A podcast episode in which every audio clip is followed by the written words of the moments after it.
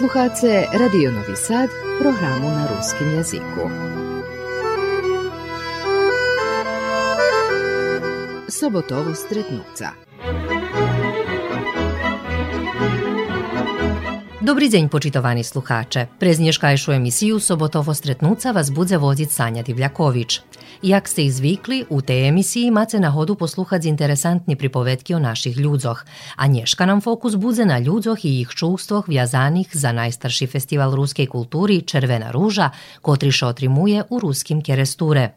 Prez pripovetku o počatkoh nastavanja toho festivalu i jeho rozvoju povodzi nas naš vsestrani kulturni dijač Avtor i koautor daskelih monografijoh o Červenej ruži i jedan z aktivnih organizatorov festivalu Đura Latjak.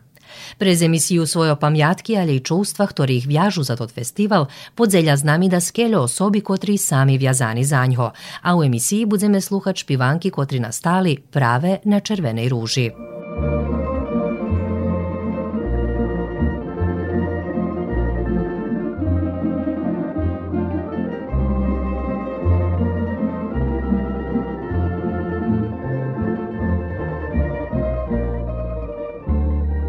Adriana Nađbarna z ozruskog je restura od zecinstva učestvuje na Červenej ruži, dze počala usovršovat svojo talanti, a dzečnje vošla i do roboti organizaciji samo o festivalu. Posluhajme jaki ju vjažu za sam festival.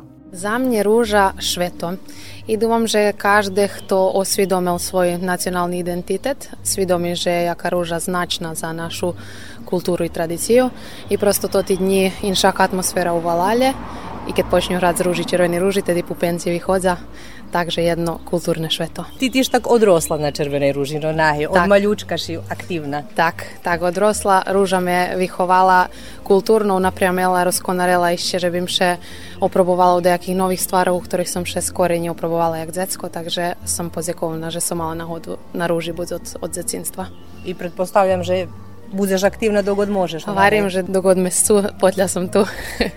Mladež i jih energija i interesovanja njeritko buli porušovače veljih veljkih stvaroh u Švece.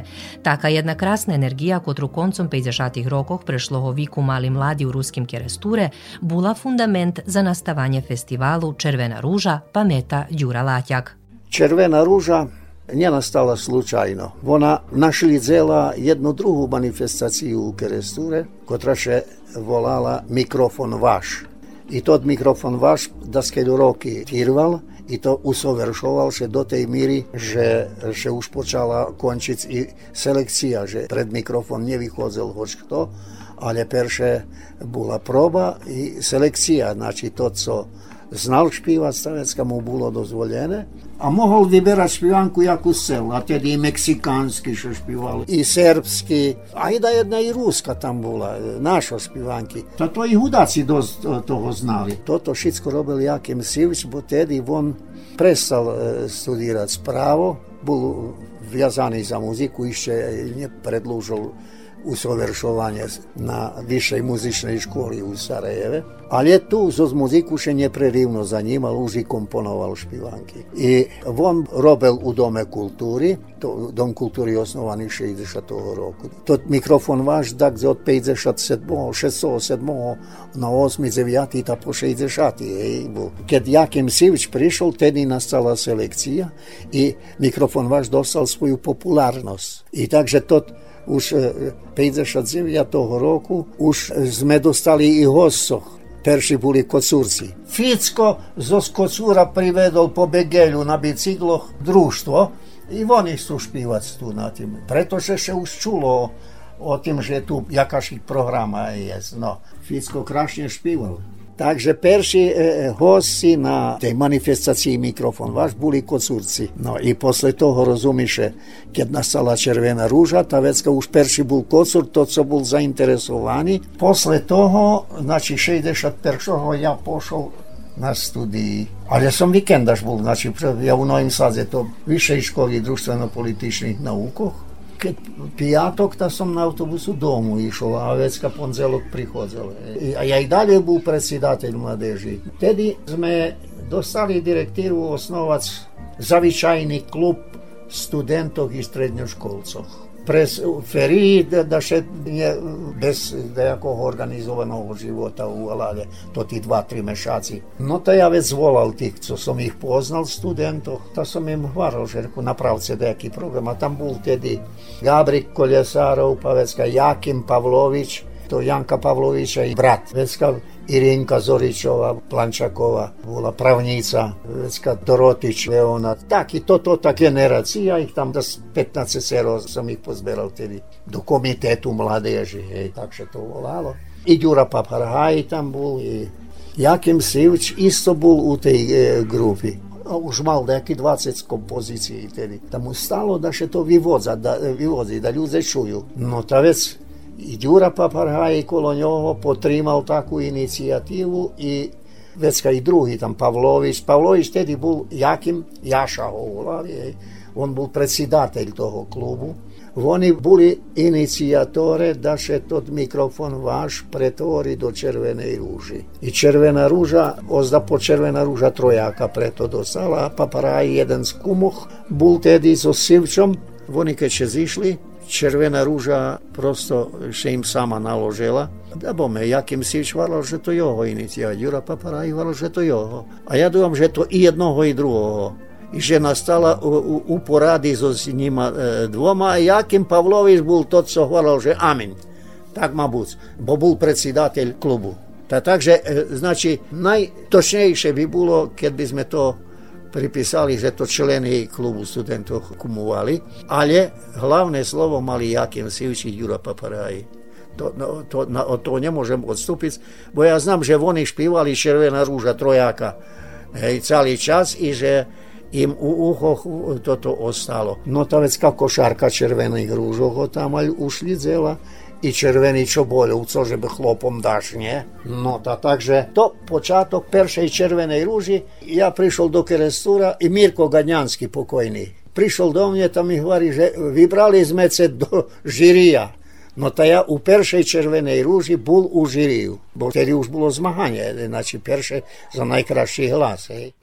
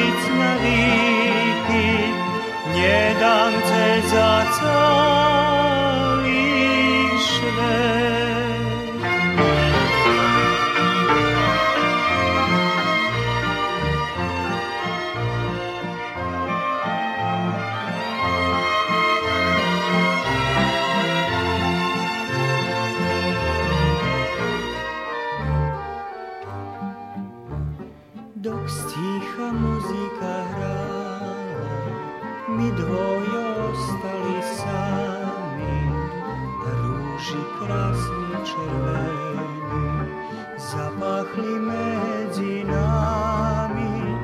Ja še jej pýtal, čom lístky z červených rúžok tarhala, a ona šiem pošmíchla i rúži svojo mi dala červeni ruži, prekrasni pahnjaci kvet. Mi najmilše plece, voli mi cali švet. Divče, prekrasne divče, krašo. Budem te na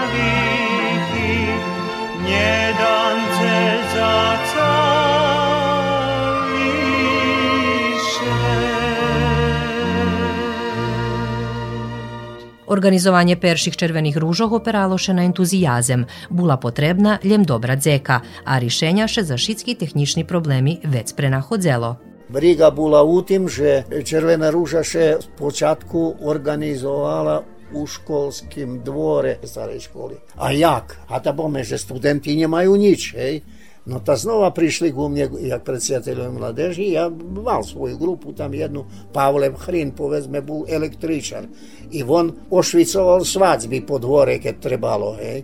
No ta už mal hotový materijal, a ja bol u istý čas je predsjedatelj školského odboru a Mišo Kanjuh bol direktor. My dvome i pejtaše boli, da, takže nebol problem. Všetky karseli sme zo zlučalňoch na dvor vyniesli, tak še robilo vtedy partizanský, že sme zo Zlobštenského dvora pozberali to tí pijačný tezgy. Ta sme to tí tezgy jednu ku druhej nasledali a to ono tam on mali, nebolo rovné. Ta trebalo vecka tepichy položiť hej, na toto. Ta ja zo z mojej kancelárii tepich dal, zo z ruského slova, No ta takže perša červená rúža bola u školském dvore, tam, kde teraz Matičar u Kresure i to була стара школа, так і говорили. Там у дворі 62 року. Після того зо червінки принесли, друга червона ружа була, боксерський ринг на гордових вже то поскладало. Кед була третя чи четверта, вже не пам'ятам, але тоді то росло нагло. Ta vecka už i zo zradia boli zainteresovaní. No ta takže tu prišli ta z ďalšie dyšta pomokli hudáci i hovorili, že veci neprídu, bo im instrumenty pomokli. Ta tedy, to už neznam, či pijata, či šesta rúža bola, ale Silvo Seman zo Petrovcoch, on je však budovateľný inženier, však aktivista taký bol srímsky. Nie je problém, ale napravíme montážnu zakryce nad binu peniaži не було ні откалі. То він направив таке, як судня з дерму із боку, розсагнув платно, пригата, так же то було під платном. То, то ціле направлене таке, že, že keď by slučajno dýš padal, da bi nie pomogli hudaci. No to jedno, a druhé sme pocerpali da vitor nie zaduje, bo to to roznieše. Ale postupno už takoj 68.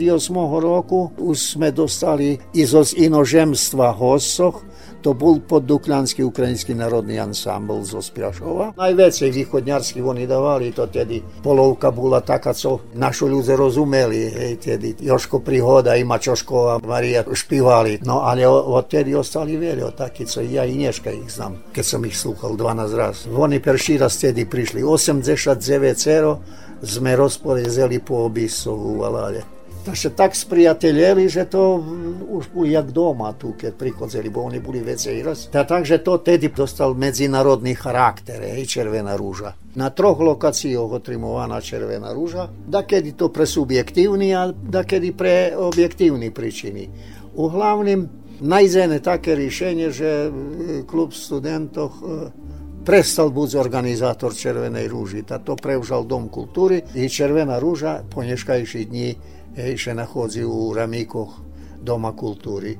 Poznejšie mala svoj úpravný odbor, u ktorým e, členy boli niedem zo Skeresura, ale i zo z druhých miest. I to vozelo rachunku o tým, že by mali i jakošik e, muzičného obrazovania. Ta, takže u tým e, organizacijnym odbore už bol i Irinej Timko, bol učiteľ Jakim Olejar, bol Ďura Varga, Kotli tiš učitelj i tiš muzično obrazovani, isto hral violinu, Đura Paparaji.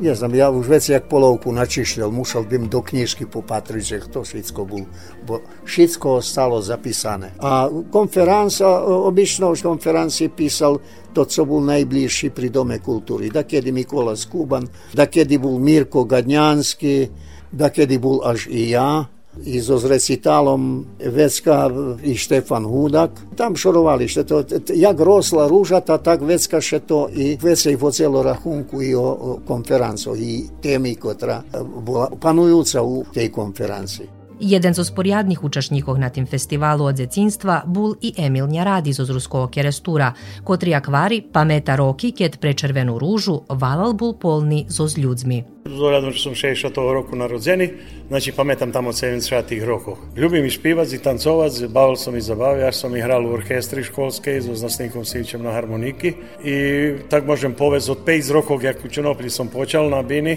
evo po zadnješka sam išće tu.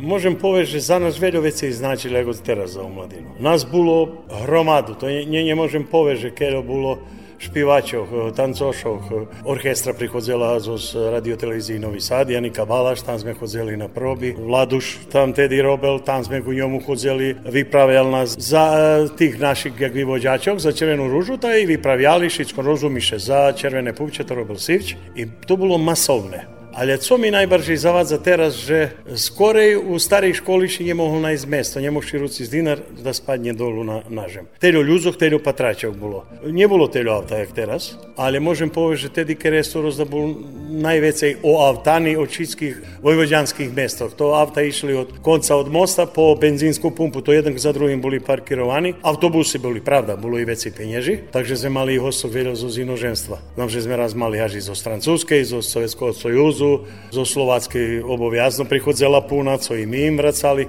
Jakošik bula ćeš pivac e, na ruži. Jakošik to bul jakišik jak da pom prestiš. Kad si špivala u kreme, kad si dostal čabolju na, na červenoj e, ruži. Za mnie červena róża, jak i wsze, była to największe wesele Szwetów ruskim kresture. Tu sme všetci učestvovali. Bolo i estrady bratstva, i združovania, až z jedným malženstva še narodzeli. Tu na Ružiše upoznali. Tancoše zo Zorachova, zo Skerestúra, zo Srimu, zo Stova. I vecka tak, to ti viazi nastali. Jako však sme še čustovali jak braca.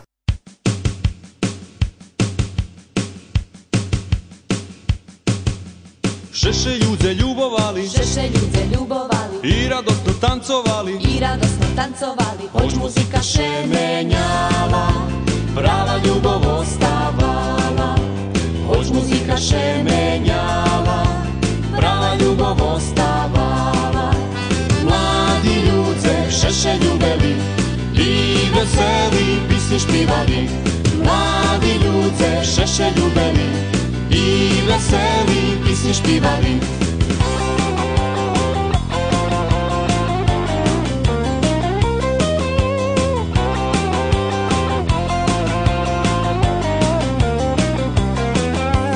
Đido naši, baba naša, Đido naši, baba naša. Ljubeli njem hvaščardaša, Ljubeli ljem čardaša A rodiči našo vera. Ritam tanga i valcera A rodiči našo vera Ritam tanga i valcera Mladi ljude šeše ljubeli i veseli pisni špivali. Mladi ljude šeše ljubeli i veseli pisni špivali.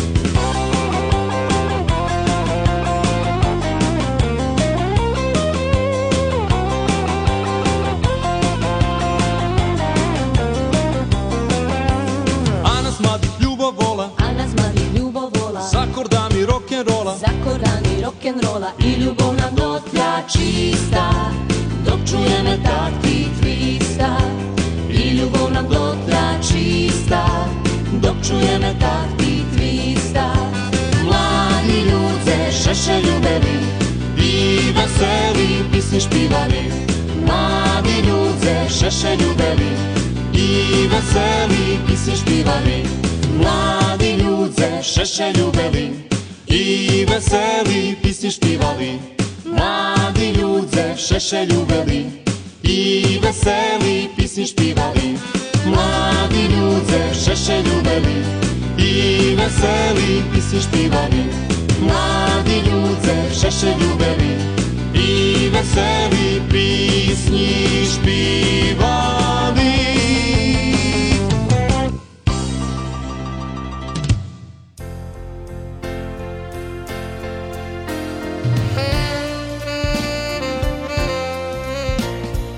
Na peršim festivalu Červena ruža započala i nova muzična tvorčost i da skeljo roki ljem jakim sivčkom komponoval novi špivanki. Na perševi vedzeni tri novi zabavni kompoziciji Jakima Sivča, Ščešljiva noc, Ješenjska ruža i špivanka Moderna ljubov, kotra u narodze poznača jak všeše ljudze ljubovali, a buli u duhu muziki kotra tedi bula popularna. Perši tri narodni špivanki Pljivah Marka, Ulješiku Privalalje i Bili Orgoni vikomponoval Tiž Jakim Sivč, 1965 roku.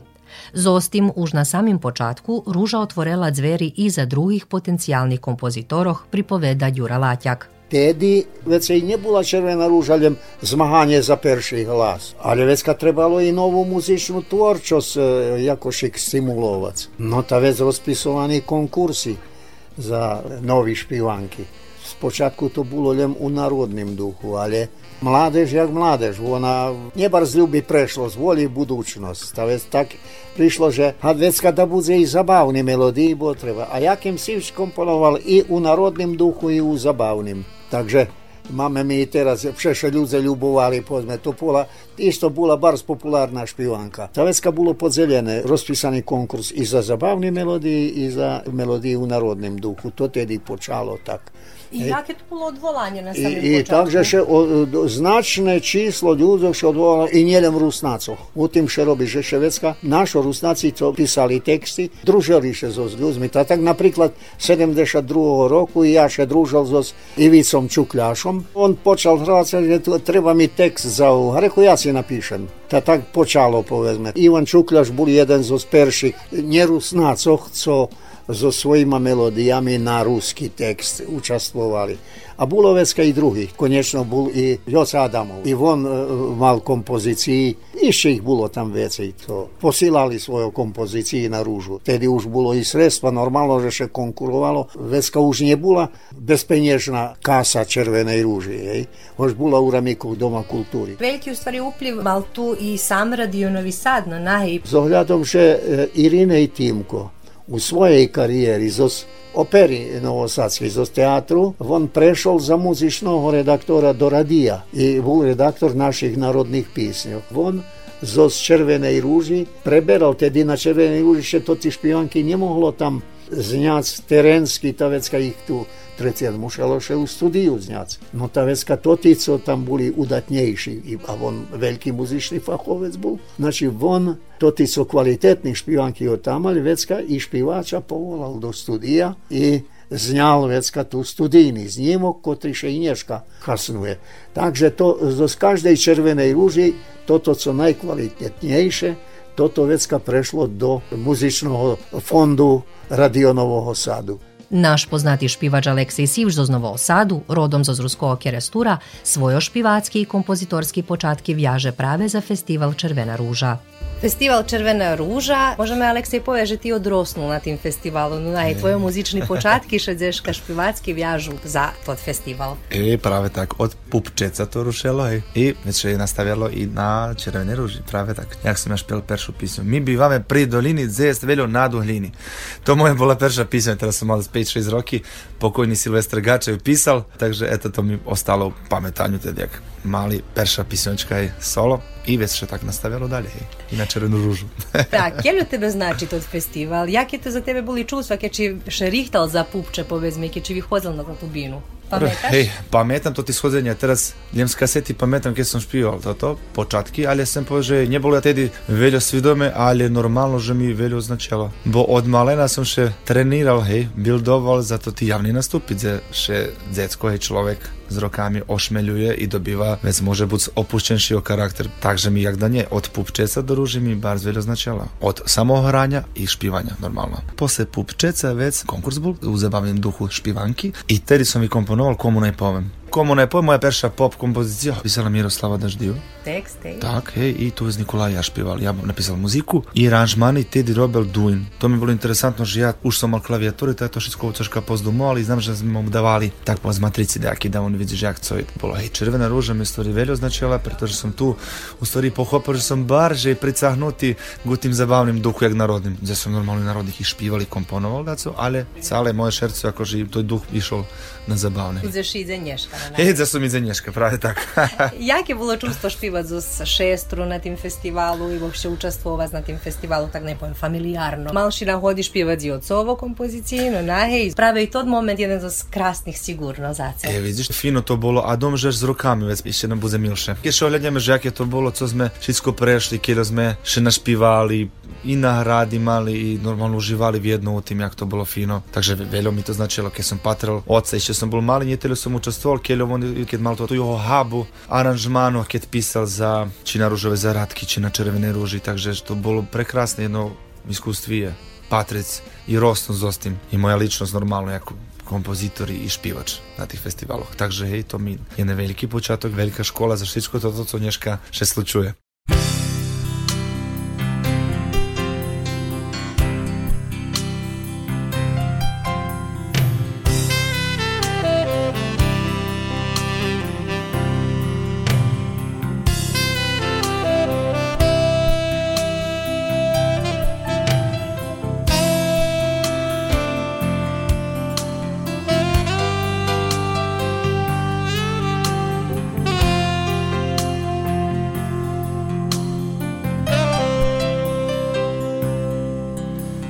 slovo sprevodská, keď ľubov nestáne.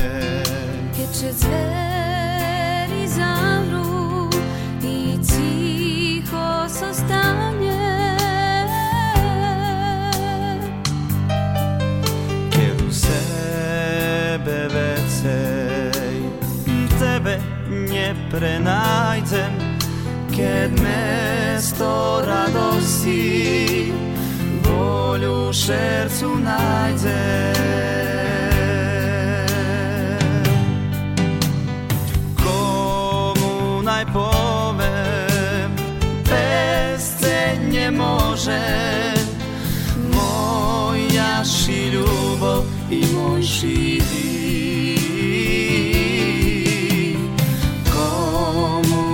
Najpovem, bez tebe neznám, ty moja sliza.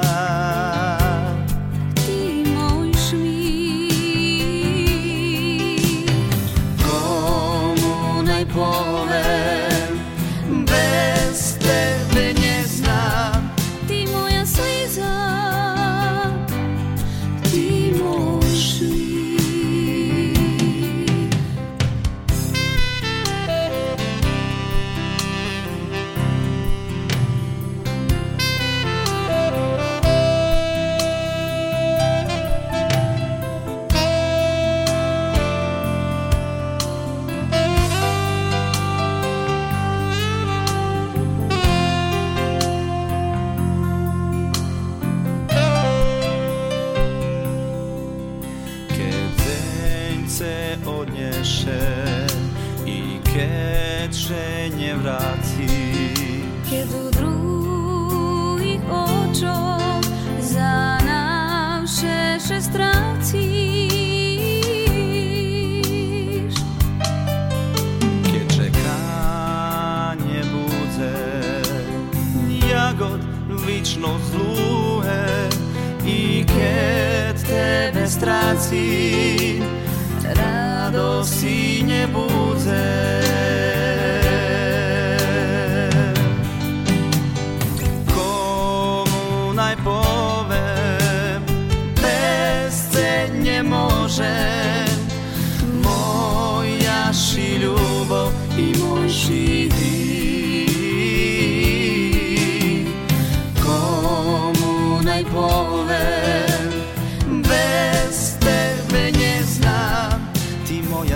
pasar.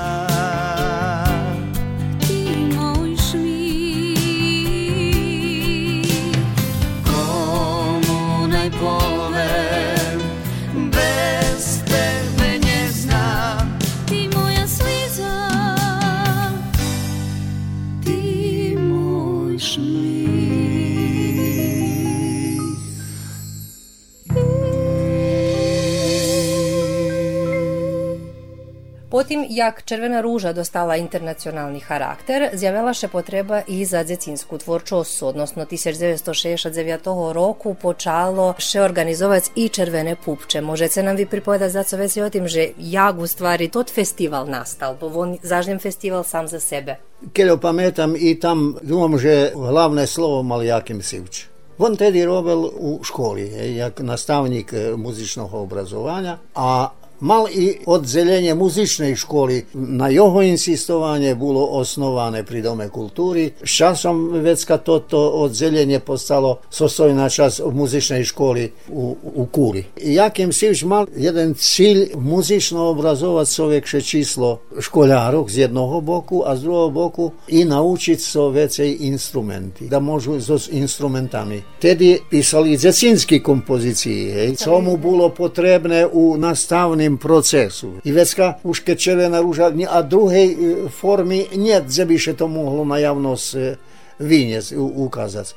A dozecznie było i prilapene, bo bo prosvjetnih robotnikov bilo doz u organizacijnim odbore, ta takže oni pristali že da u ramikog Červenej ruži bude i jedna manifestacija ktorá e, vecka dostala pupče. Ej, rúža má pupča perša, a vecka vyrasta do rúžoch. I takoj uramiko k tej manifestacii vyvodzeni i novo stvoreni kompoziciji. Ali i to ti stari tam pozme, co ja pamiętam, że siedzi taszczok na plociku i śpiewa, ej, to dzieci śpiewali na daskelich różok tam, ale wsze drugi. To bo to, to co jeszcze ostało, to Kołaczowa, to jeszcze z RNPD najpowiem, znaczy z tam 30. do 40. rokov, co nastali.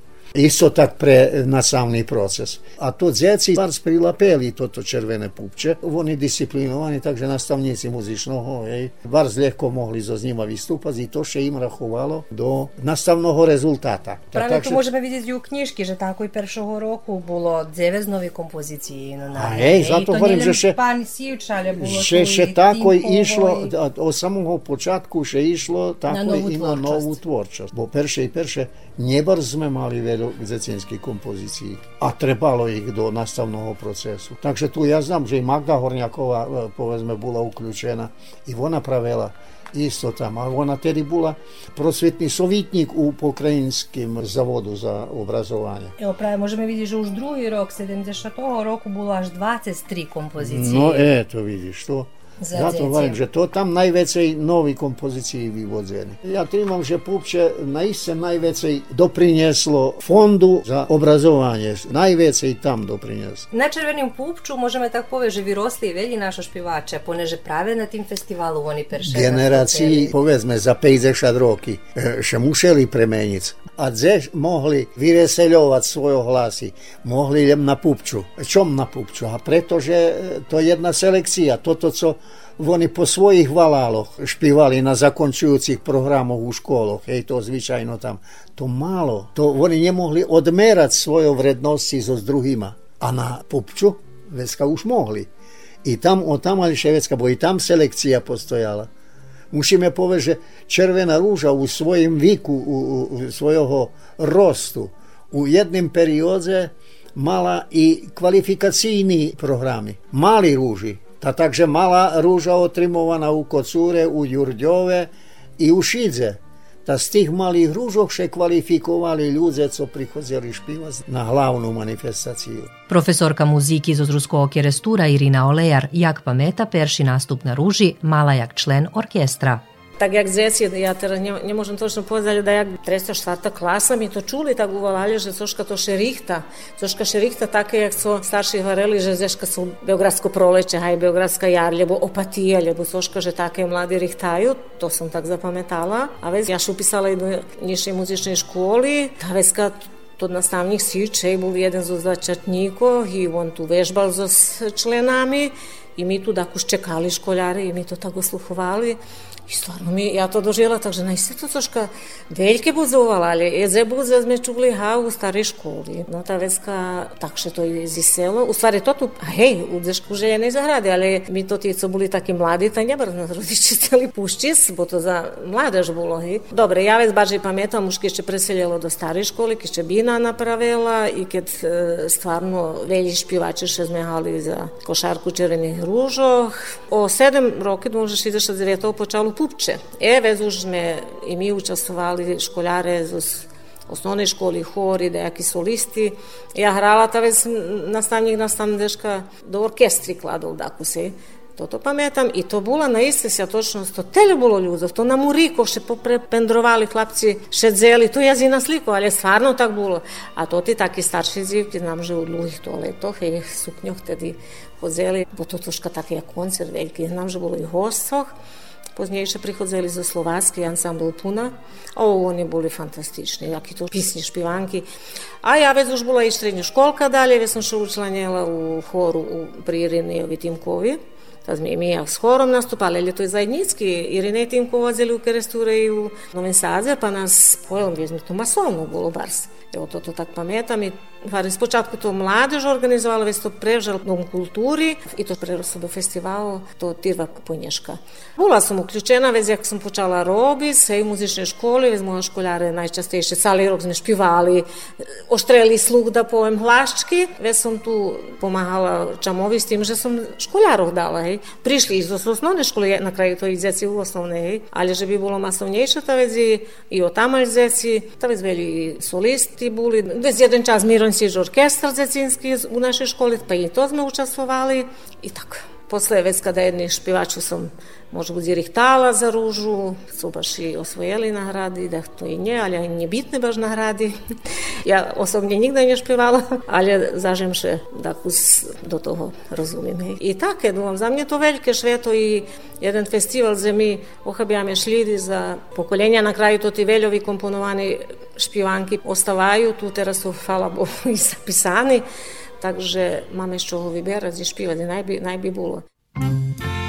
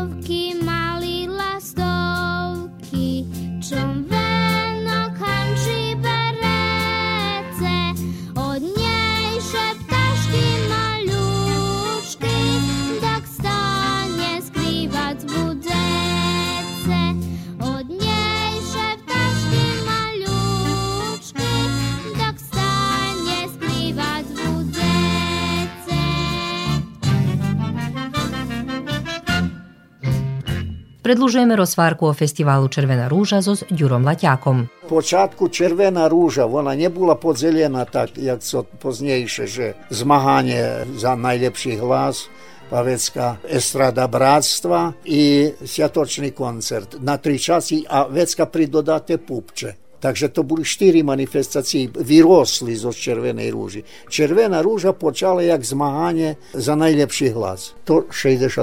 rok bol to taký, co by sme mohli povedať, nejaký šik preporod ukončený. Hej. Od toho času postupno Červená rúža dostávala svoj profil a kulminácia bola tam takže v 80. rokoch.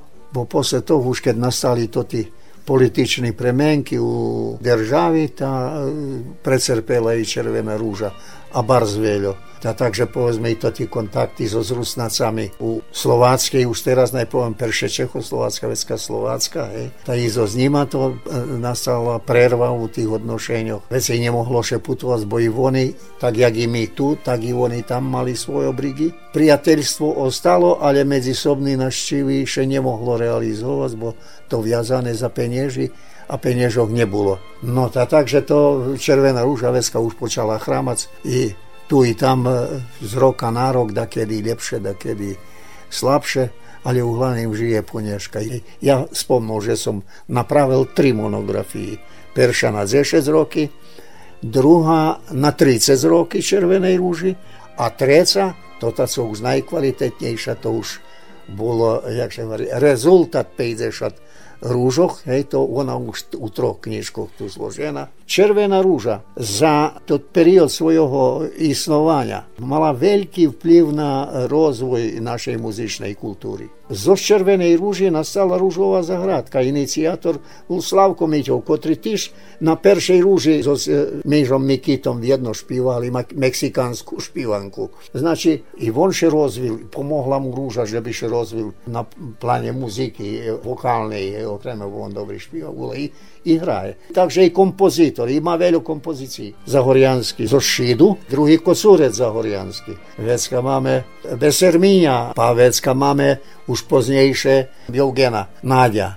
Stvorili jeden značný muzičný fond. Đurđica Poldruhi zo Skocura, rodom zo Zvukovaru, pameta že na peršu červenu ružu prišla u dzecinstve i že za nju to bilo okremne iskustvo. Czerwona Róża to było poniacie jeszcze za mnie w dzieciństwie, jeszcze u stary jedno wielkie zbuwanie przy różnacach. Ja mała, też 7-8 roky cevec, eventualno, keď som so Židom z Vukovaru prišla na tot festival. To také bolo veľké za mne, to za mne bolo ogromné, veľo ľudzov, bars, veľo auta. Ja ne znam jak sme prišli z Vukovaru, ale pamätam toto do žice samej scény, všetko toto prekrašne vypatralo, vtedy me to bars pricahovalo. Potom som prišla so spajtašami, dakle, so 15, 16, 17 rokami na autu sme prišli na tot festival, takže ja rosla so s tým festivalom. Provadzela som Červené pupče prek pionirske zahradky, takže to bolo nám u Srime jediný festival, ktorý spájal Rusnácoch, ktorý objedinjoval Rusnácoch a poneže som od detinstva so s mojim ocom učila všetky ruské písni, bo som nemala dzendzej, neišli sme do školy po rusky, hej.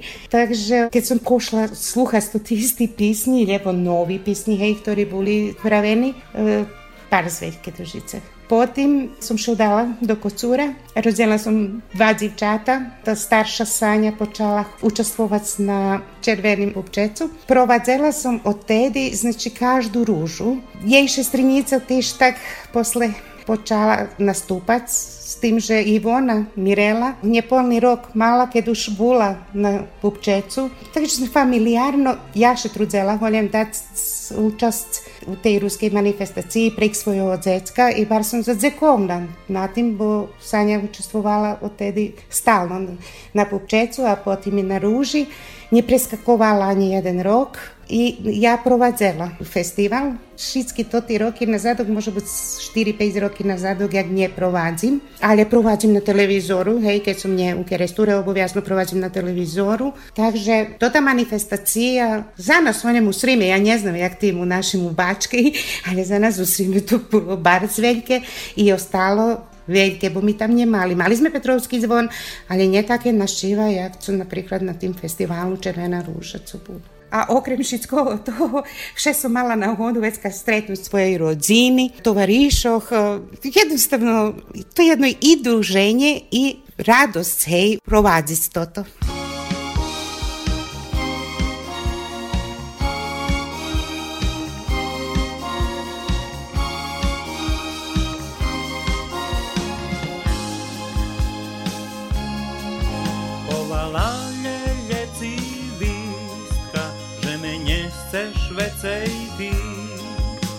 u šercu żyjesz moim, żyjesz jeszcze dalej ty.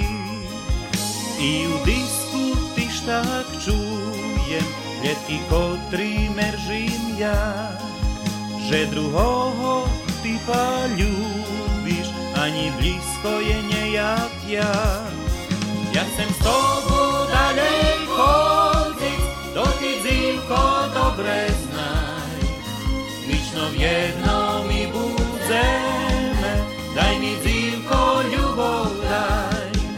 Ja chcem s tobou dalej chodziť, to ty dzivko dobre znaj. Lično v jednom mi budeme, daj mi dzivko ľubov daj. Preto sluchaj, milá moja, nie za tebe tam. Druhá ľubov nedá, ľubov takú, jak ja dám. Preto sluchaj, milá moja, že sa nie za tebe tam. Ani druhá ľubov nedá, ľubov takú, jak ja dám. Ja chcem s tobou dalej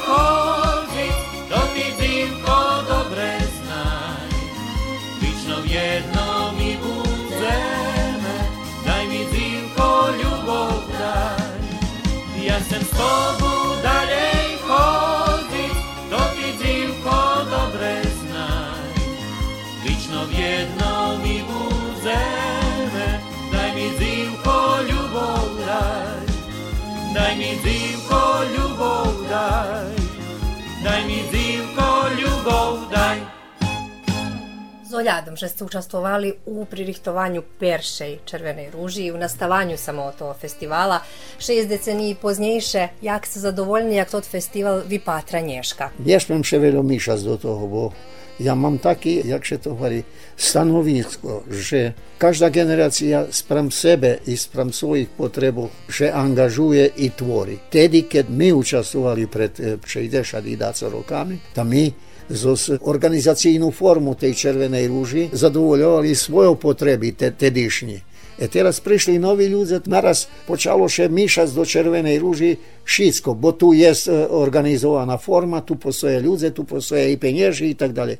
Ta vecka urucíme tu i gitariádu, i dňovku, i všetko urucíme tu, bo tu je penieži. Ja netrimam, že to baš dobre. Rúža by trebala mať e, svoj osnovný cilj, a to afirmovať počatníkoch, afirmovať dostihnúca u našem muzycznym živote i afirmować e, masowną muzyczną twórczość. Bo teraz to, to, co, to się uklapa do toho mojego widzenia. Bud stimulator nowej twórczości u każdym poгляdzie.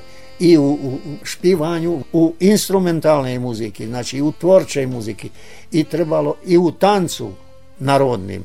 Treba ho pestovať, bo keď nebude nejakého stimulsa, už i teraz nemáme na dva slova še zvodí knižka u, u tým slučaju. Znači, Keresturi Kocuri, lebo Keresturi Jurdjovi, točka. Čom estradu bratstva, dobre, nemusíš je tak volať, ale mas u roku jednu muzičnu manifestaciju na kotrej ansambli zo svonka, zo strane, neviem zo inozemstva, ale bi ne da vidíme, že keľo oni, da možeme primerať svoju vrednosť a k tomu i obohaciť svoj duchovný život. Ja to vidím po tým, že po koreografii našo. Keľo popreberali kročaji od tých, co, co vystupali na Červenej rúži.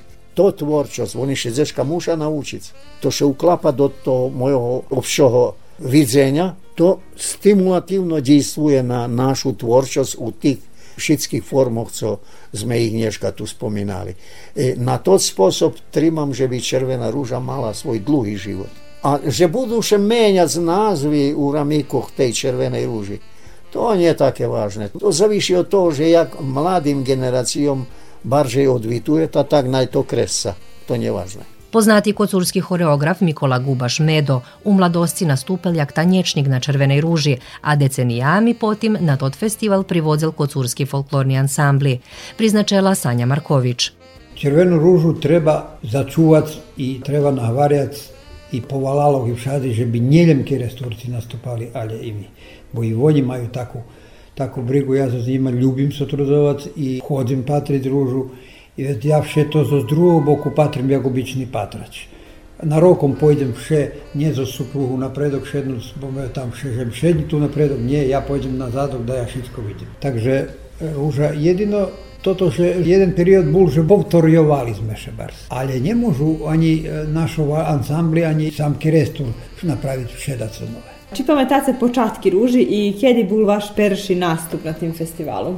Nastupal sam na, na, na festivalu, ali že kjedi ne znam. Tancoval sam ovaj ukrajinski tanjec, ne znam, Tori, Kozačok, Ljebohopak.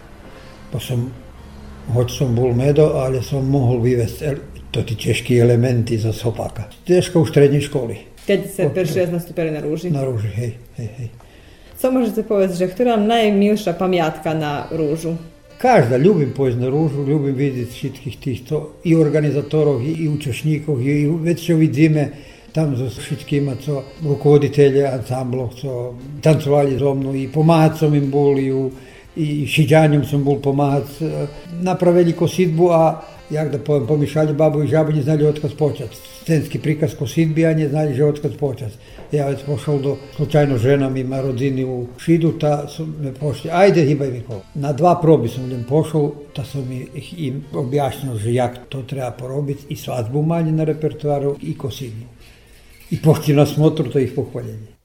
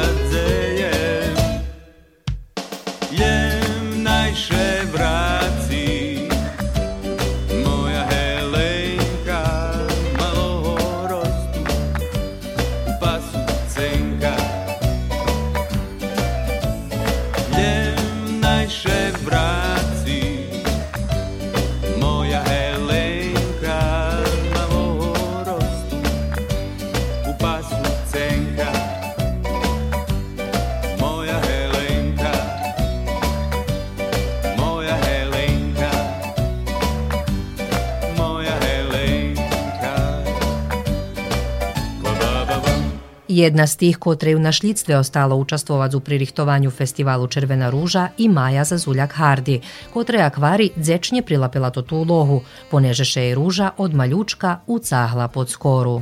Co za tebe predstavlja festival Červena ruža?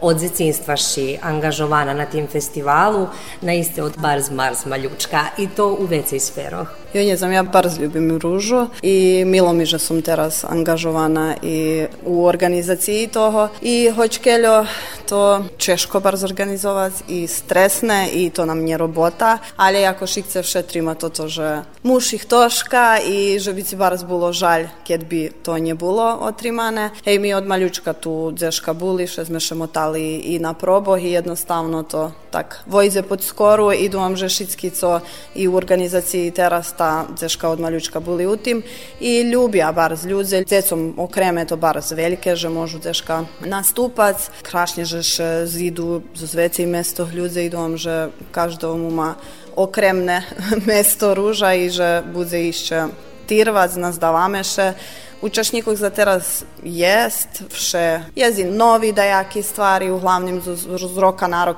to možda manje nje treba každi rok, že bi bilo da se šake. Takže žije i dalje žije i dumam, že i buze, kad buze tak entuzijastoh, ta ozda buze nadalje i žice, že preslavime išće veljo roki.